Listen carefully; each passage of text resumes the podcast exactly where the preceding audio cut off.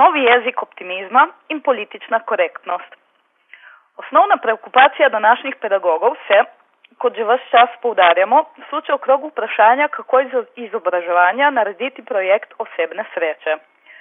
Projekt vsestranske zabave, zadovoljstva in samoresničitve. Skratka, kako izobraževanje narediti svobodnejše in lepše, brez podrejanja, krivice in utrpevanja. In dalje, osnovni recept, ki ga strokovnjaki najdevajo pri doseganju tako zastavljenega cilja, tiči v izumljanju novega jezika, v izumljanju drugačnega in lepšega pedagoškega slovarja. Gre za jezik izraznega optimizma, ki bi ga po analogiji z znanim političnim geslom lahko imenovali jezik s človeškim obrazom. Dejansko, magično formulo sodobnega izobraževalnega diskurza bi lahko povzeli takole. Najprej podčrtaj vse probleme, ki pestijo izobraževalno realnost, na to slednje poimenuj z novimi besedami in abrakadabra, problemi so rešeni. Vse tiste grde, grde besede, ki kakorkoli evocirajo strogost, disciplino, podrejanje, avtoriteto, oblast, kaznovanje, omejevanje in ne dišijo po osebnem uspehu, morajo postati prepovedane. Treba je poiskati nove izraze, izraze s človeškim obrazom. Opisano maniro pedagoškega čaranja lahko podkrepimo z navedbo dveh nazornih primerov.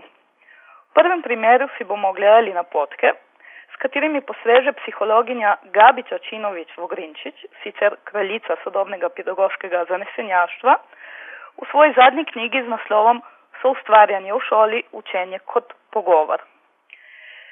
Drugi primer je še bolj ilustrativen in spregovarja o tem, kako daljnosežne, kako daljnosežni so učinki sodobne izobraževalne ideologije.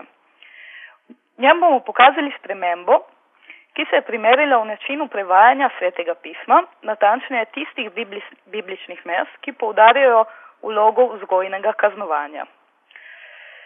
Torej, prvič, na strani 32 knjige so ustvarjanje v šoli, Čačinovičeva govori o izredno zanimivem članku avtorjev Basa, Doserja in drugih z naslovom Besede imajo moč, ki ga je treba češ vzeti kot napotilo pri uresničevanju sanjske šole prihodnosti. Takole pravi, navajam. Spremenimo besede pomoči, da bi podprli sistem skrbi. In dalje, gre za svoje vrstno izbiro novih besed, kot jim pravijo. To so pozitivne besede, tiste, ki opogumljajo in ki dodajajo moč, da bi lahko strokovnjaki in uporabniki opustili negativne besede, tiste, ki omejujejo in izključujejo.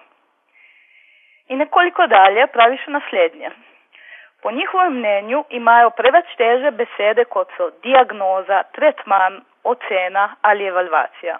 Te niso dobre, ker dajo strokovnjaku nalogo in moč, da določi in da označi. Ne zajemajo sodelovanja, soustvarjanja, procesa, ki vodi k odkritim in dogovorjenim dobrim izidom. Besede kot timsko delo pa, soustvarjanje, skupnost, sosedska, ekologija, družina in dodajanje moči so začeli nadomeščati stare besede, kot so motnja, deficit, problem. Konec navedka. Se pravi, Če besedo problem nadomestimo z besedo soustvarjanje, naprimer, bo problem menda rešen. Prejdemo k drugem primeru. V svetem pismu je moč izpostaviti kar nekaj notoričnih mest, ki starševsko ljubezen povezujejo s šibo in strogim kaznovanjem v zgodnjem otroštvu. Sloviti primer je denimo 24. vers 13. pregovora iz knjige pregovorov, verza, ki se v osnovi glasi takole. Kdo ljubi svojega sina, ga zgodaj kaznuje. Izvirni hebrejski izraz musahar pomeni najprej in predvsem kaznovanje, fizično ali psihično kaznovanje, označuje pa tudi grajanje, karanje, kreganje in discipliniranje. No, vers, o katerem je govora, se je ponovem začel prevajati drugače. Na mesto kaznovanja zdajšnji slovenski prevod govori o vzgajanju. In vsa biblična mesta, ki merijo na starševsko kaznovanje, se ponovem prevajajo preprosto kot vzgajanje. Podobno velja tudi za nove standardne tuje jezične izdaje. Ta sprememba v načinu prevoda se je primerila v nekem nenaključnem zgodovinskem času, namreč prav zadnjih 20-30 let. Tu ne moremo opraviti izčrpne primerjalne eh, jezikovne analize, da zadošče, da omenimo zgodovino slovenskega prevoda.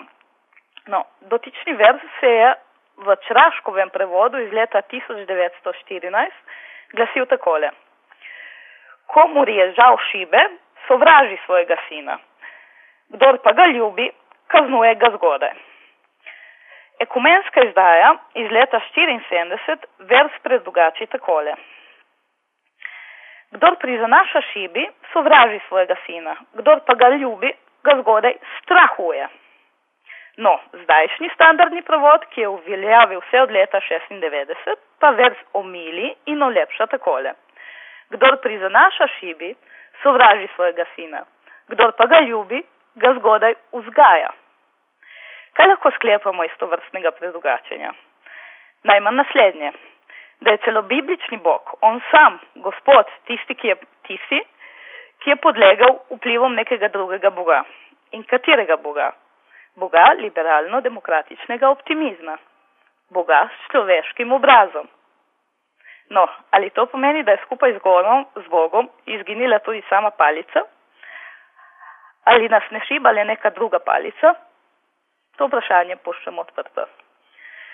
Komentar sem pripravila Ana Jovanovič.